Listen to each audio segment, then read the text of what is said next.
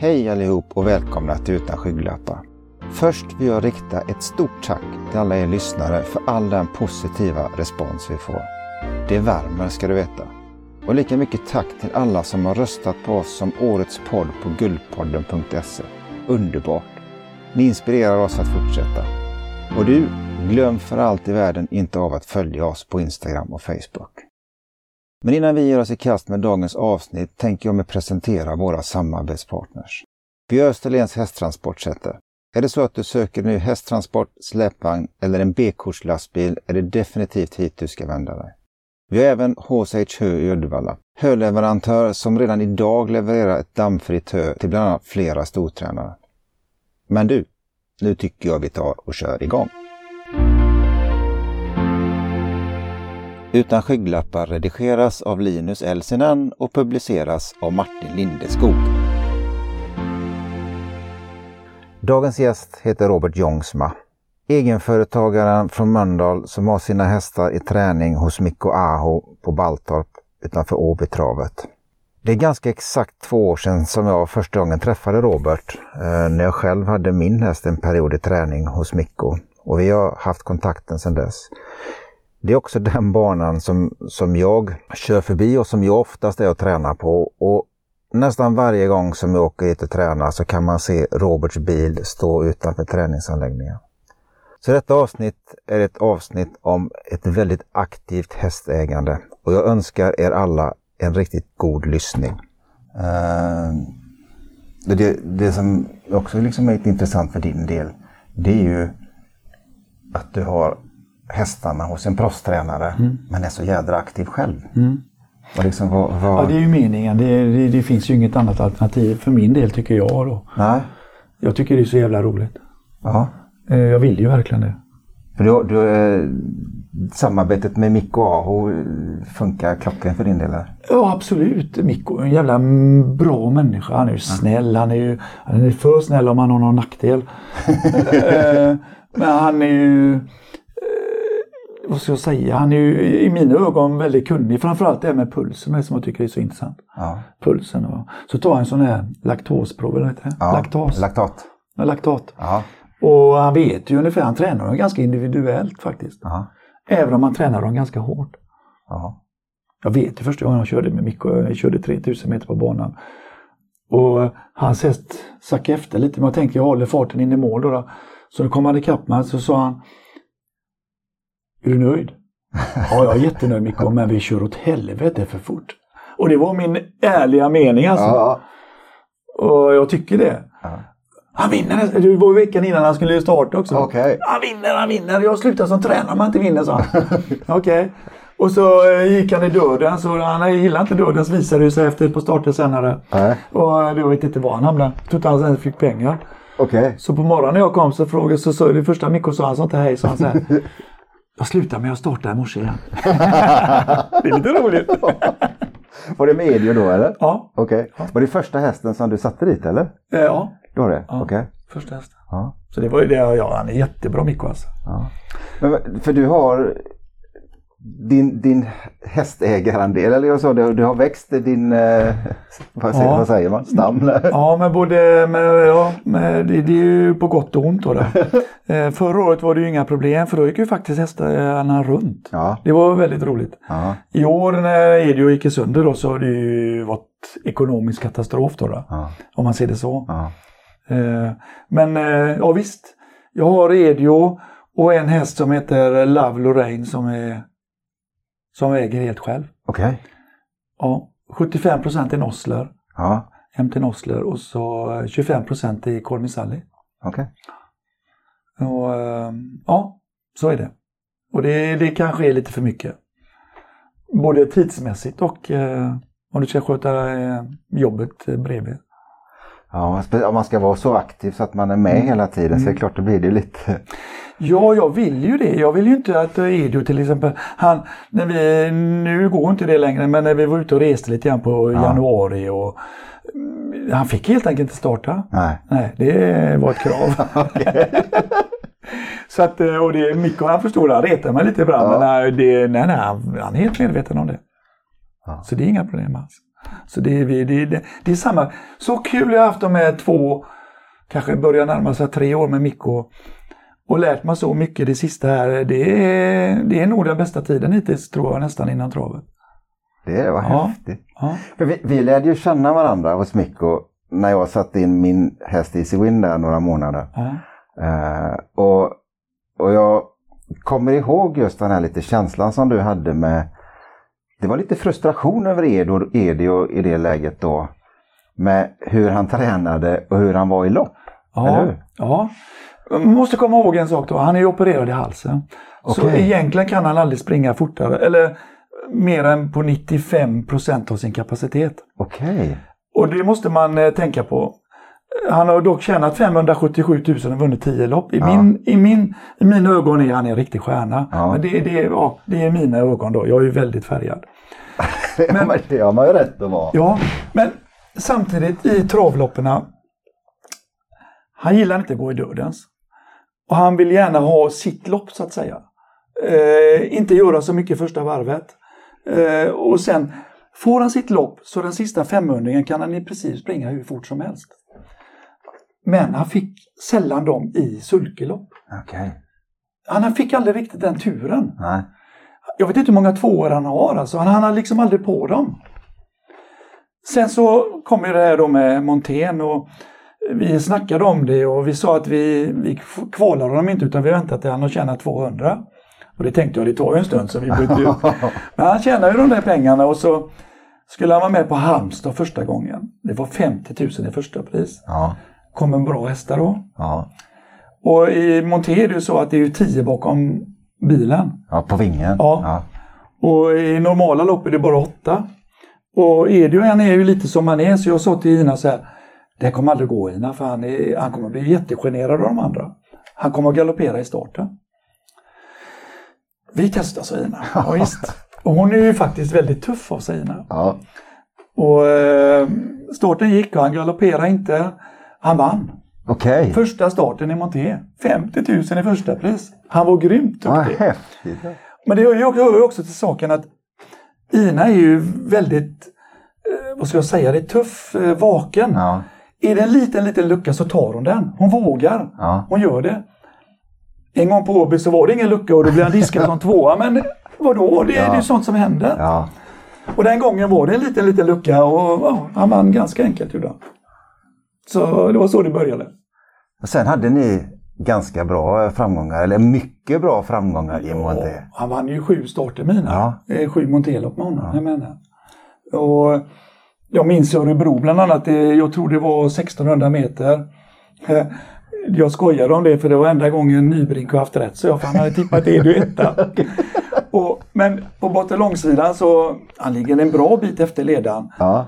Och det är en liten lucka där, det är kanske det är inte många centimeter på fram eller bak som kommer ut. Ja. Och vinner precis alltså. Det, ja. Han gör ett fantastiskt sista 3, 4, 500 meter. Så det, det är hans grej, liksom få sitt lilla lopp, lugna ner sig lite för han kan vara lite nervös i början. Ja.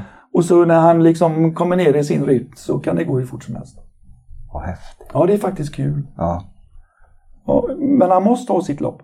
Jag vet, André körde honom första gången. Jag visste inte att André hade sagt i intervju att jag kör 15 med den där i debuten. Okay. Jag hade ingen aning om detta. Nej. Vi trodde naturligtvis på det för han hade gjort ett bra kvallopp och ja. jobbat bra. Det går 19 på varvet tror jag, första varvet. André kör upp i dödens. Han bara lägger ner det, fullständigt lägger ner det. Va? Jag, jag tror han blev femma, sexa eller jag kommer inte ihåg. Och då blev jag jättebedrövad och trodde att det var någonting med halsen då naturligtvis. Ja. Så jag åkte ju ner veckan efter och gjorde sånt där med kamera i halsen. Ja. Och, eh, och körde ett jobb där nere då, ett ja. riktigt jobb. Ja. Men eh, det såg bra ut efter förutsättningarna. Så det var inte det utan det sitter i skallen bara. Han, han gillar att glida med och sen kan Han gillar att glida med och så sen, eh, ja, kan han ta de sista femhundringarna. Häftigt. Ja. Så jag, jag har haft oerhört roligt med honom. Alltså, ja. Första gången han var med i V75 var ju hur roligt som helst. Eh, bli fyra. Ja. Eh, det finns, eh, det glömmer jag heller aldrig, det var, ett, det var på Åby. Ja. Det, det skrevs mycket om det efteråt. Björn Goop och en annan, jag vet inte vem den andra var, körde ihop och fastnade med hjul mot hjul. Ja. Så det finns bilder där Björn sparkar sig loss. Ja.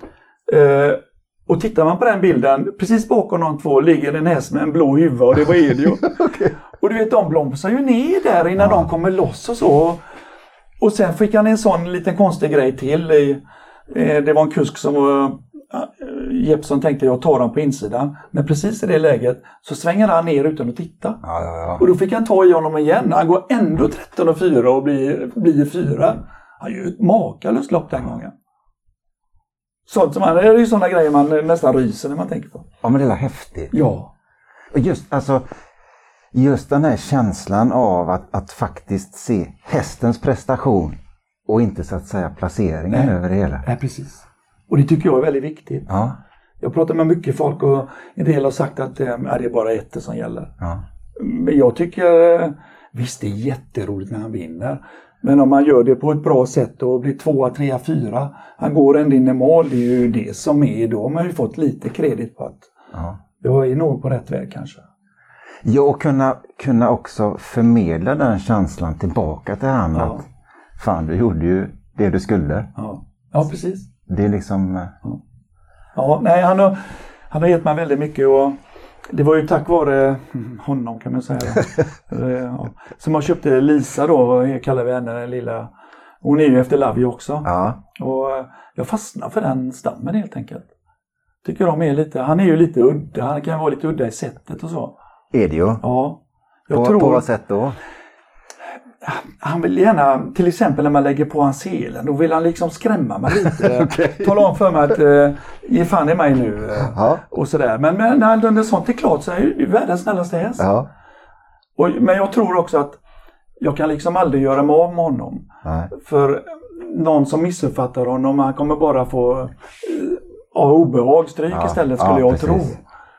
Men samtidigt med hans sätt då så har man ju fastnat för honom så att det är ju en häst som man liksom troligtvis aldrig, jag kan aldrig göra mig av med honom. Nej. Jag får hitta något ställe någonstans efteråt sen och ha han. Få ut och rida på honom. Ja, ja. ja Kate, eh, min sambo, rider ju på honom Ja. ganska mycket ofta. Ja.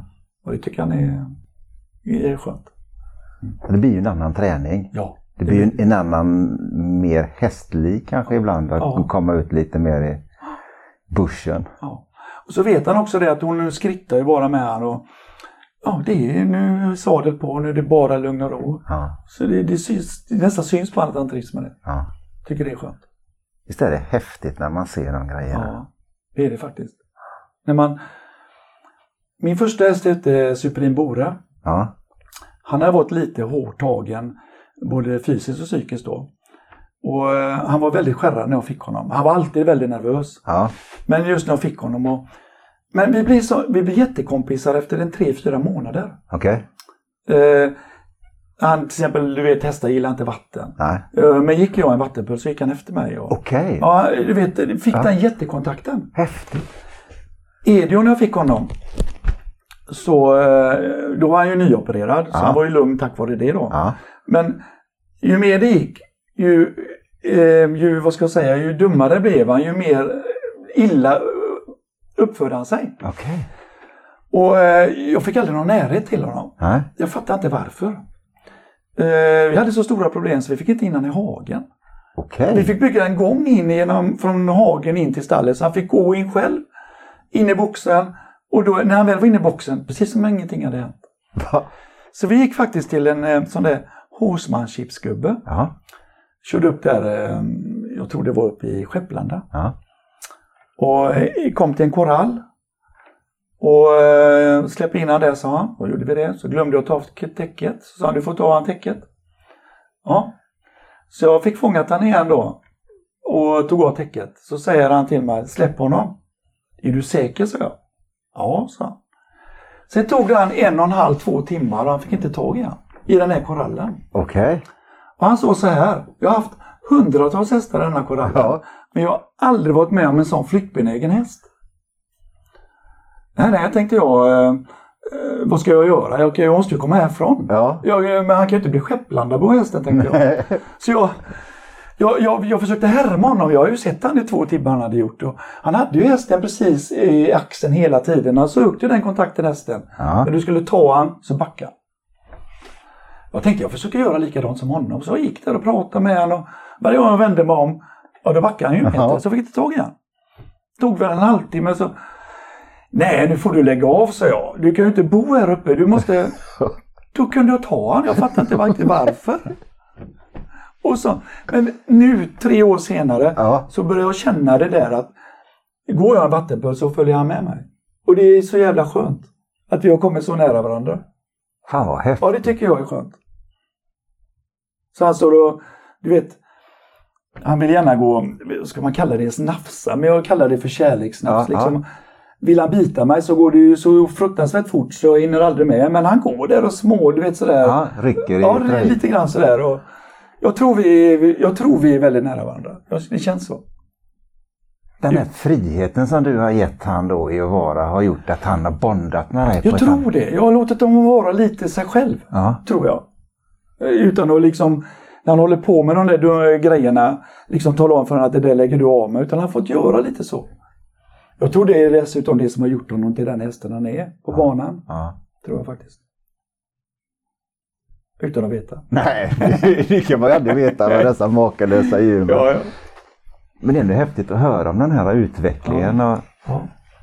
Så han har, och så har han ju varit, ja, i min värld då, väldigt, väldigt duktig tycker jag då. Ja. Och så um, blir det lite fadäs här i maj i år då. Så fick han ju gaffelbandsskada. Ja. Och ja, så har ju tiden gått. Nu börjar vi köra lite man igen. Va, va, när, när du såg det här, för det hände i ett lopp förstår jag det som va? Ja, va, va, va, vad tänkte du då? Ja, först så ja, tänkte man jävlar. och sen tänker man hur ser han ut nu när han kommer in och sådär. Men man såg inget direkt just då, men det svullnade upp lite grann. Ja. Och sen börjar man alltid fundera, jag gör alltid det.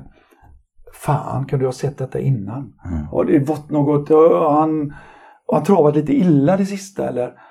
Men med det loppet där, jag tycker om man tittar på det. Sista sväng så sveper han ju dem och tar ledningen med två längder.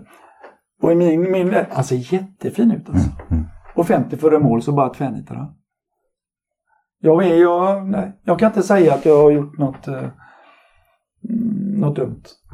Kan, kan inte se någonting heller? Jag tycker det, inte det. Utan det bara, det ja, bara är? Det bara händer. Tyvärr. Ja. Mm. Men han kommer tillbaka, det är jag helt övertygad om. det tror jag. Han blir åtta nu så han blir bara bättre och bättre. Du, du, nämnde det här lite, förra året var ett bra år. Ja, det var ett jättebra år. Ja. Då hade vi ju Colmy Sally, hon sprang ju, hon var ju jätteduktig. Ja. Vann ju V75 och tvåa i diamantstoet och hon var ju heroisk, hon ja. var ju fantastisk. Edo gick ju jättebra. Ja. Och uh, Noslek inte så bra då, men han har tagit sig i år. Ja. ja. Det är en liten intressant historia. Ja. Jag känner ju till lite med Nosle ja. där. Jag vet ju att det var lite skador och sånt i, i början. Och, och... Ja. Jag lång kvar. Jag försökte köpa, jag köpte honom för att jag ville ha honom som en, jag tänkte vi gör en andelshäst av honom. Ja. Och eh, det var några som köpte in sig. Bland annat Mikko. Okej, okay, ja. Och, eh, men sen visade det sig att det gick ju inte så bra. Och vi började undersöka honom. Och då fick vi operera knäna. Ja. Och jag hade ingen aning om detta, men jag säger till de som har köpt in sig att det känns som att ha blåst er. Så ni kan, jag kan köpa tillbaka era andelar om ni vill. Och alla vill det utom Mikko då. Så just, jag äger 75% i honom och Mikko 25. Ja. Och eh, tiden gick och vi började träna honom och han är lite het så det är lite svårt att skritta sådär med honom. Det går inte. Kät har lyckats nu det sista. Eh, och, men så blir han halt igen fram. Åker ner till veterinären. Och eh, man kan nästan säga att hon mer eller mindre dömer ut honom då. Det är liksom ingen idé att hålla på. Och jag åker hem till Mikko bedrövad och säger att det är lika bra vi skiter i det här, vi får uh, hitta på något. Men då blir Mikko lite sur och säger att eh, jag har sett värre hästar än det här. Jag tror att det här är inga problem. Nej. Och eh, det, han visar sig ha rätt. I år har hästen tjänat 140 000. Ja. Han har blivit fyra på V75 eh, för 14 dagar sedan och vann över häromdagen. Ja. Fantastisk utveckling. Och väldigt, väldigt roligt. Ja. Men det är mycket tack vare Mikko. Att Ja. han li- liksom fortfarande trodde på det. Jag Trodde, trodde på det och tålamod. Ja, tålamod. Måste man. Måste man ha när man håller på hästar. Ja, det är ett måste. Och det... Nej, nej. Han, han var ju heroisk här nu sist och i V75 nu. Mats Oj, vad heter han? Ljusö. Ja, Ja. körde honom då i V75. Han, Ja. var ju, han körde ju jättebra och gav han en fin resa. Hästen gick ända in i mål och gjorde så gott han kunde och, och blev fyra som sagt. Jag tyckte det var grymt bra Ja. utav honom. Kul.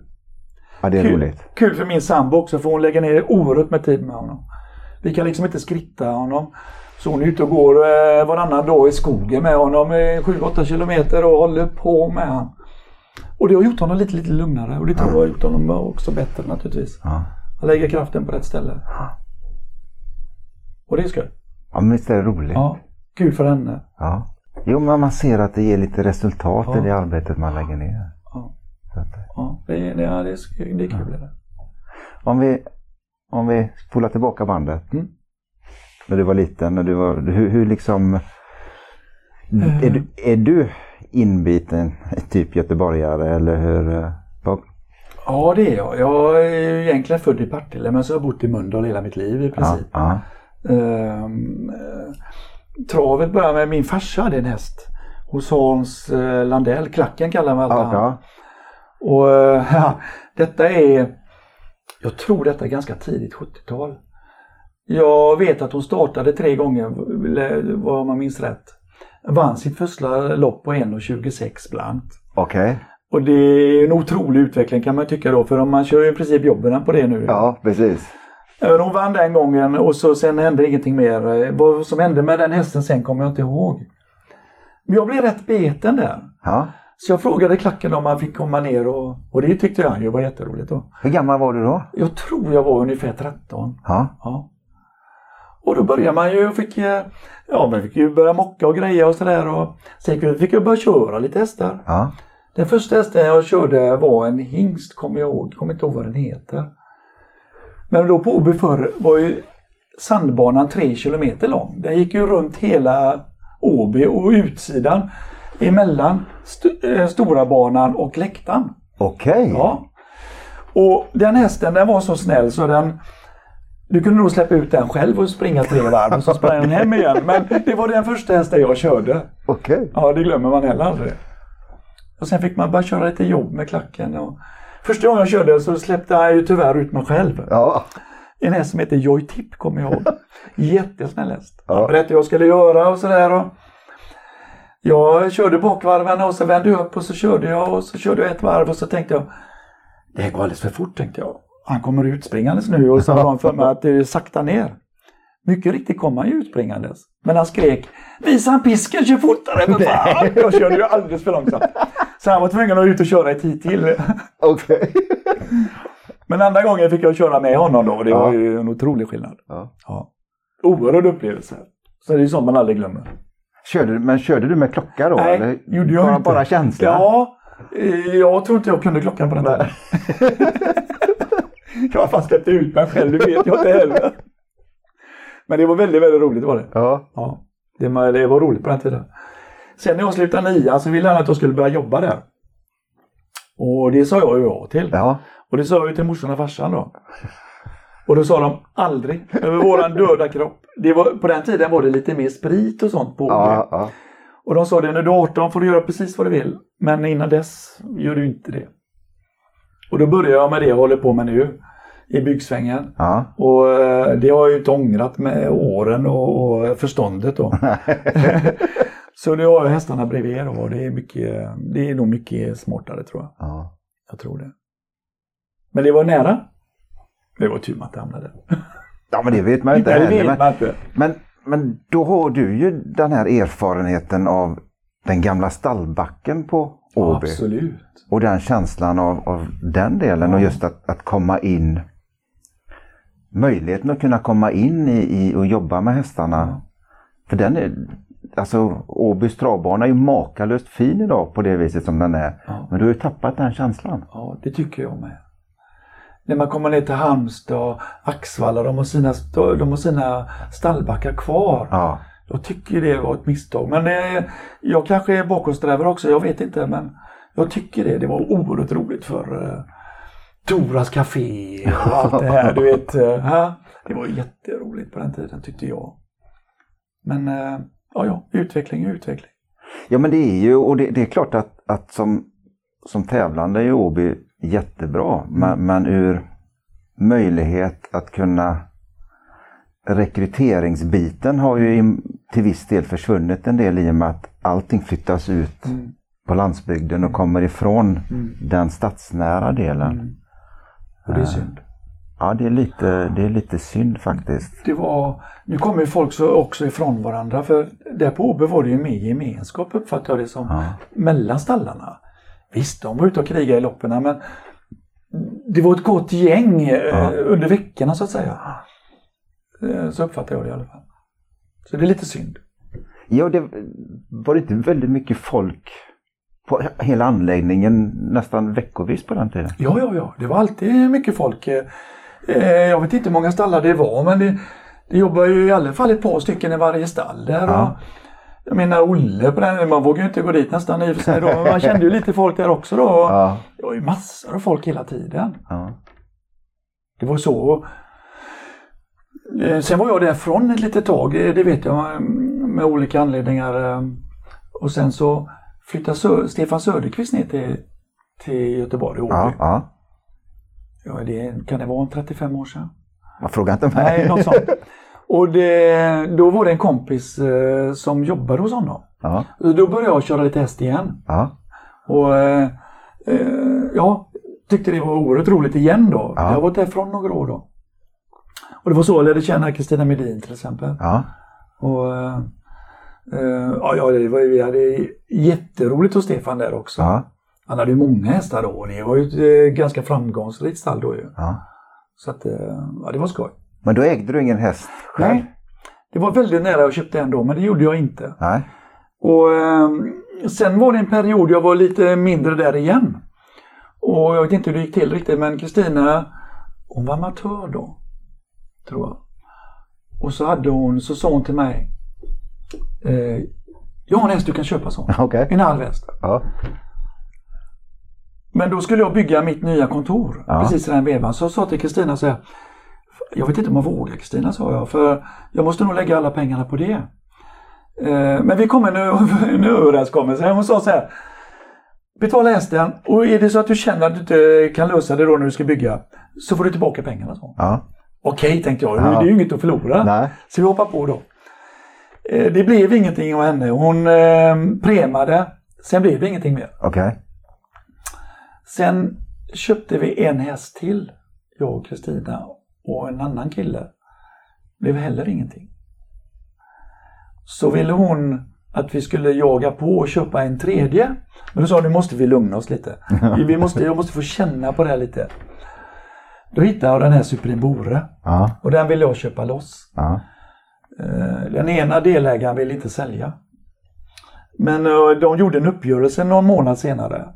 Så de, eh, de som ägde honom sen efter det ringde och sa till mig att eh, eh, du får köpa honom av oss. Ja. Och det gjorde jag då. Ja. Och han var fyra då om jag minns rätt. Gick sönder när han var tio. Okej. Okay. Han hade tjänat 25 000 när jag fick honom och han hade tjänat 325 när, jag, när han gick sönder. wow. Och det mesta i och för sig. Han, han lärde mig jättemycket den hästen. Ja. Han var väldigt nervös. Första gången jag skulle köra ett jobb på OB kom ner. Eh, då fanns ju stallarna där kvar eh, fortfarande. Ja. Första gången jag använde pulsklocka på honom.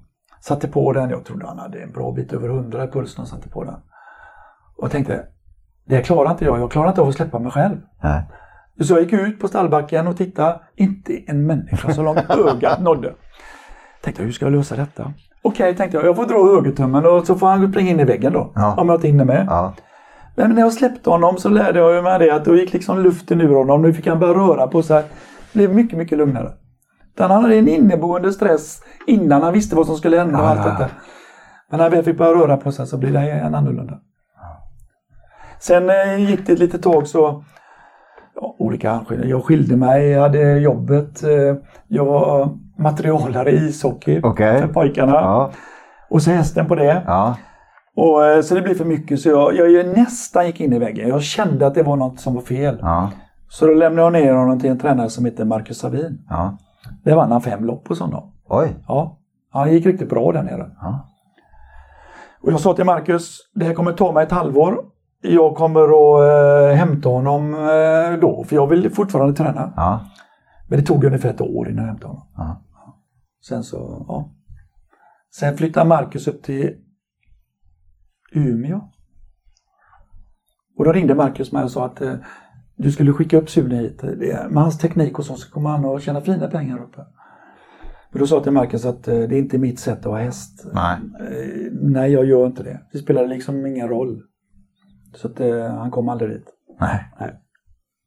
Och så fick han en gaffelbandsskada vid tio års ålder. Ja. Då blev han ridhäst. Den bästa pensionen? Ja. Ja. Ja, absolut. Så är det.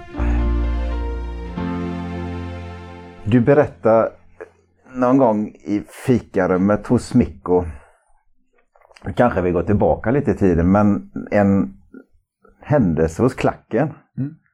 Vet du vilken jag tänker på? Mm. Nej. Han hade en häst som agerade lite speciellt eh, när man körde ut med den. Som du fick köra vid ett tillfälle. Ja, ja, ja. ja. Det var när jag var därifrån lite grann sådär och så någon helg kanske man fick för sig att det skulle vara kul att köra lite. Ja. Och då ringde jag klacken och han var ju jättetacksam att man kom ner och körde. Han selade på och jag körde. Så efter, jag tror efter två hästar så hade han selat på en när jag kom in. Och, eh, då var det så att, att från hans stall till Toras café, ja. kanske det var 150 meter. Ja. Och då hade hästen slått i vagnen tre gånger. Och då vände jag och då skrattade han bara “Ha, kommer du aldrig redan? Jag fixar en ny till dig”. Ungefär så. Så att, uh, ja. Men den hästen hade lite, det var liksom ett givet uh, mönster hos den eller? Ja, jag vet inte, jag kommer inte okay. ihåg vilken häst det var. Men ja. uh, jag tyckte inte jag skulle köra längre än så i alla fall. ja, man ville ju ha snälla hästar på den tiden. Men nej, klacken var jättebra på alla sätt. Ja. Men det var, det var en bra skola. Ja, det var det. Han var rolig och duktig. Jag tror han var lite bättre som kusk än som tränare om man får lov att säga så. okay. Han var jättebra som kusk. Ja. Sen, eh, ja, han kanske kunde varit lite bättre som tränare. Han var ju årskull, eller han var ju samma kull som eh, Roger Grundin och de var ju ett bra, ja. som jag hade jobbat hos Olle Hellström på den tiden. Så blev jag öppnade de eget och det, det, stundtals gick det jättebra för honom. Ja. Och sådana här drömminnen därifrån. Jag, jag var alltid tidig i stallet och en vinter, jag hade en häst som jag gillade, en hing som heter Galveston. Ja. En bra häst. Ja. Och eh, jag vet, jag var först i stallet, jag fodrade, jag selade på honom, men det var väldigt kallt. Ja. Jag visste inte hur jag skulle lösa det, ställa upp, köra ut och ställa upp dörrarna till stallet. Tänkte jag, det är inte bra. Nej. Man var ju så snäll så jag öppnade dörrarna, körde ut, höll i tummarna och kunde stänga efter mig och fortsätta. Okay. Han var ju så snäll den hästen. Så. Det är sådana minnen man inte eh, glömmer helt enkelt. Jag tror han blev avelshingst i, i Jugoslavien sen för de ville ha det amerikanska blodet. Okej. Okay. Jag tror det var så. Ja. Mm. ja, det blir ju det här lite personliga många gånger. Ja. Ja. Och sen var det så att jag var ju aldrig jag är ju ingen bollkille, jag kan inte göra två med en ballong nästan. Därav har det alltid varit djur, jag har på mycket med hundar och så. Ja. Och tävlat och tränat och, och, så jag har alltid hållit på med djur istället. Ja. Och tycker det är fantastiskt roligt. Ja. Läsa något nytt varje dag. Helt klart är det så. Ja, men det, är, det, det är spännande den här biten och just att se hur, hur olika de agerar. Ja. Alltså, ja. Och, och hur, hur man kan bygga relationer med dem. Ja. ja. Jag har en, hon är ett och ett halvt nu, uh, Love Lorraine. Ja. Uh, Var det den du kallar Lisa eller? Ja. ja. Och, uh, jag har ju aldrig haft en sån liten häst eller Nej. ung häst. Nej. Jag har aldrig varit med från början. Nej. Och det är ju bra att kunna luta sig på Mikko då. Ja. Så han tumkörde henne de första gångerna, de två, tre första gångerna. Sen tog jag över när vi kände att det, ja. det var inte så farligt. Och samma när vi satte ner vagn. Ja. Då körde Mikko de två första gångerna. Och hon var ju skjuts exemplariskt alltså. Okay. Och så har jag tagit över då. Ja. Just det där att eh, hur, om de nu skulle dumma sig då. Han, han har ju erfarenheten, ja. det har ju inte jag. Och I min värld tycker jag inte det får hända någonting den första tiden. Helst. Men eh, nej, hon knattar på den och får springa sin egna fart där och skjutsar fantastiskt bra. Måste jag säga. Det, är, det, det är jag så förvånad. Första gången jag ville ha sele på henne ja. och överlag. Ja. Det var precis som hon aldrig gjort någonting annat. Alltså. Så jag var tvungen att ringa upp till uppfödaren och fråga om de har hållit på med henne och lagt på sele. Nej, vi har aldrig rört henne, sa, sa han. Och det förvånar mig väldigt. Hon har alltid varit den där, vad ska jag kalla henne, lillgammal. Ja. Det är nog ett bra ord på henne. Okay. Ja. Väldigt lillgammal. Okej då, jag accepterar väl det. Ja. Lite så. Häftigt. Ja. Och ändå är det då liksom samma pappa som, som Edio som ja. har Men jag kan se, nu inbillar man sig också, ja. typ det här med vattenpölar. Ja. Eh, de blir nästan rädda på samma ställe på banan faktiskt. Okay. Reagerar på någonting på banan. Eh, lite sådär om man nu ska hårdra det lite, ja. men jag kan ha fel också. Man analyserar för mycket. Ja, men att man kanske får en bild tillbaka som man vill ha. Ja. I det. Ja. Och det är också bra mikroryggen nu då liksom. Om man har någon tanke till exempel, kör för mycket, kör för lite med henne nu då. Mm. Um, och kunna bolla det med honom. Mm. Det är väldigt bra. Ja. Skönt är det. Samtidigt som man lär mig ju oerhört mycket hela tiden. Ja. Så det är skoj. Så det är så exempel. Jag har en tryckvagn och jag funderar mycket på det här eh, med unghästar. Och... Ja, ja. Så sa jag till Mikko. Jag har tänkt, så jag, att bort i februari-mars när hon har vuxit till sig lite till, köra med tryckvagnen. Och då såg jag att han reagerade lite. Okay. Men inte med tryck så jag, utan bara få den lite mer tyngden. Ja. Ja, det är en utmärkt idé sa han, men jag blev lite orolig när du sa tryckvagn. Ja, ja, ja ungefär så. Ja. Det, det är gott att kunna bolla så. Ja. Väldigt skönt är det. Och det kan jag tänka mig framförallt den perioden då det inte flyter på. Ja, precis. Det är lätt att snöa in på någonting. Eh, eh, vad ska man säga? Går man går grunna på det och man vet inte riktigt. Då, då, ja. Man får en, an, en annan, kanske icke lika personligt anknuten idé och tanke om det hela. Nej. Med lite mer helikoptersyn kanske. Ja, precis. Och en mycket större erfarenhet än mig naturligtvis. Ja, ja. Det måste ju göra sitt till också. Det och, och det är ju, kan det också vara en del liksom i den hela biten att, att du kommer med bild kanske lite mer utifrån. Eh, icke erfarenhetsbaserad utan mera kanske från andra erfarenheter och, och Mikko har liksom så mycket traverfarenhet. Mm. Jag vet i början när vi tränade Edio eh, jag tyckte vi körde lite, jag är tvungen att köra hyfsat fort med honom för att få upp honom i puls. Ja. Han är väldigt lågpulsad. Ja. Men jag tänkte så här ett tag eh, att om man eh, kör ett visst antal på raker på, på rakbanan om man la på två stycken istället och körde kanske lite, lite långsammare för att spara honom. Ja. Och um, då så blir Mikko, han är nästan testat färdigt. Jag sa direkt nej. Funkar inte. Jag har testat så. Jag okay. Och det, det är rätt så bra där. Va? Ja. Uh, han tyckte säkert det var en gördum idé om mig då. Det tänkte jag på efteråt. Men det, han tyckte inte det. Så är det inte. Nej. Det har jag testat det. Och det är bra. Han har ju, han har ju ändå hållit på i 20-25 år. Ja. Ja, men, och det är skönt att ha den tryggheten med jo, sig. Absolut. Sen har vi, kan jag kanske tycka ibland att eh, fan Mikko, vi skulle ha gjort som han ville i alla fall. vi hade ett exempel, han gick, innan han gick sönder i år, ja. Så var han med i V75 på Jägersro. Ja. Ett 1600 meters lopp. Ja. Han var på topp alltså. Han hade vunnit ett eller två monterlopp innan. Ja. Fick Björn Goop i jollen. Ja. Det var ju fantastiskt. Jag säger till Mikko så här, vi sätter på honom ett norskt. han kan vara lite hetsig innan. Och är det öppet då så 500 kvar så rycker Björn det. Och så, nej så Mikko, vi sätter på ett helt stängt.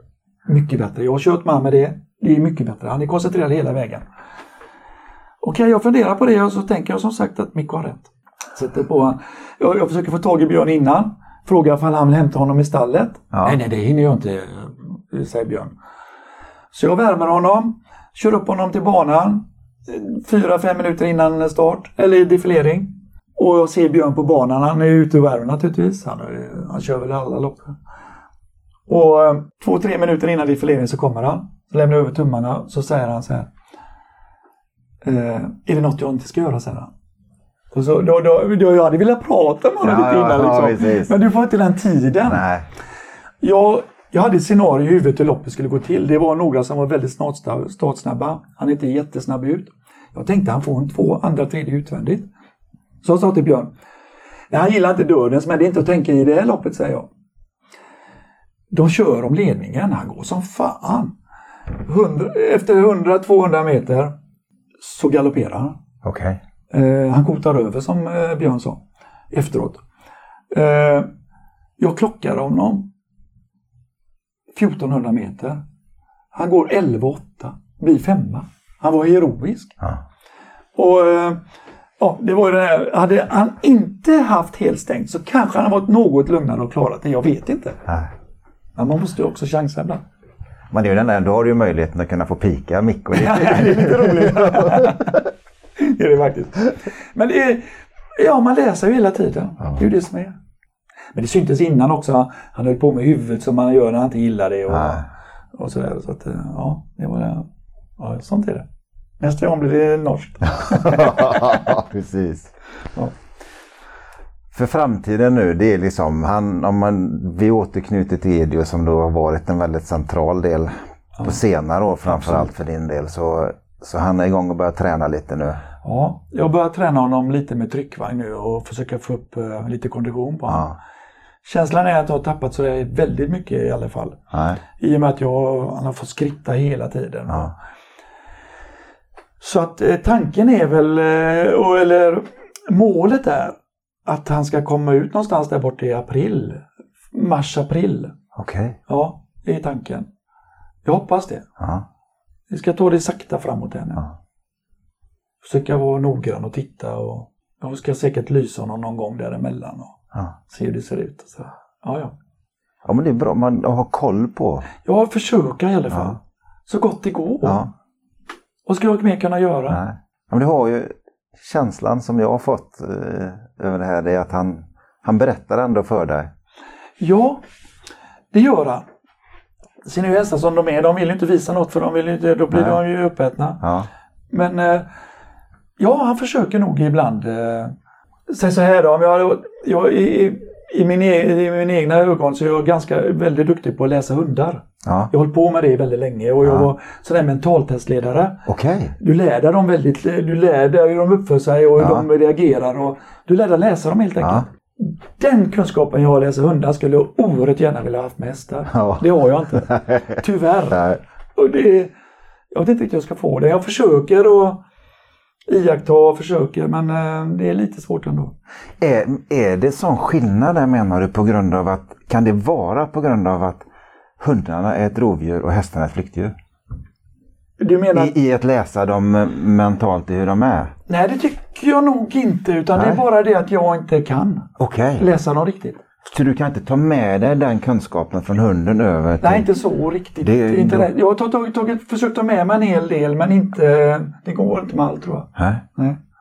Jag har försökt, eh, ja, du vet man, eh, man ska inte unka en hund när han blir rädd eller så. Och det gör inte mästaren heller. Det, men det, det tror jag är självklarheter. Ja. Liksom så. Men jag försöker men jag, jag har lite svårare för att läsa dem. Jag har inte den erfarenheten helt enkelt.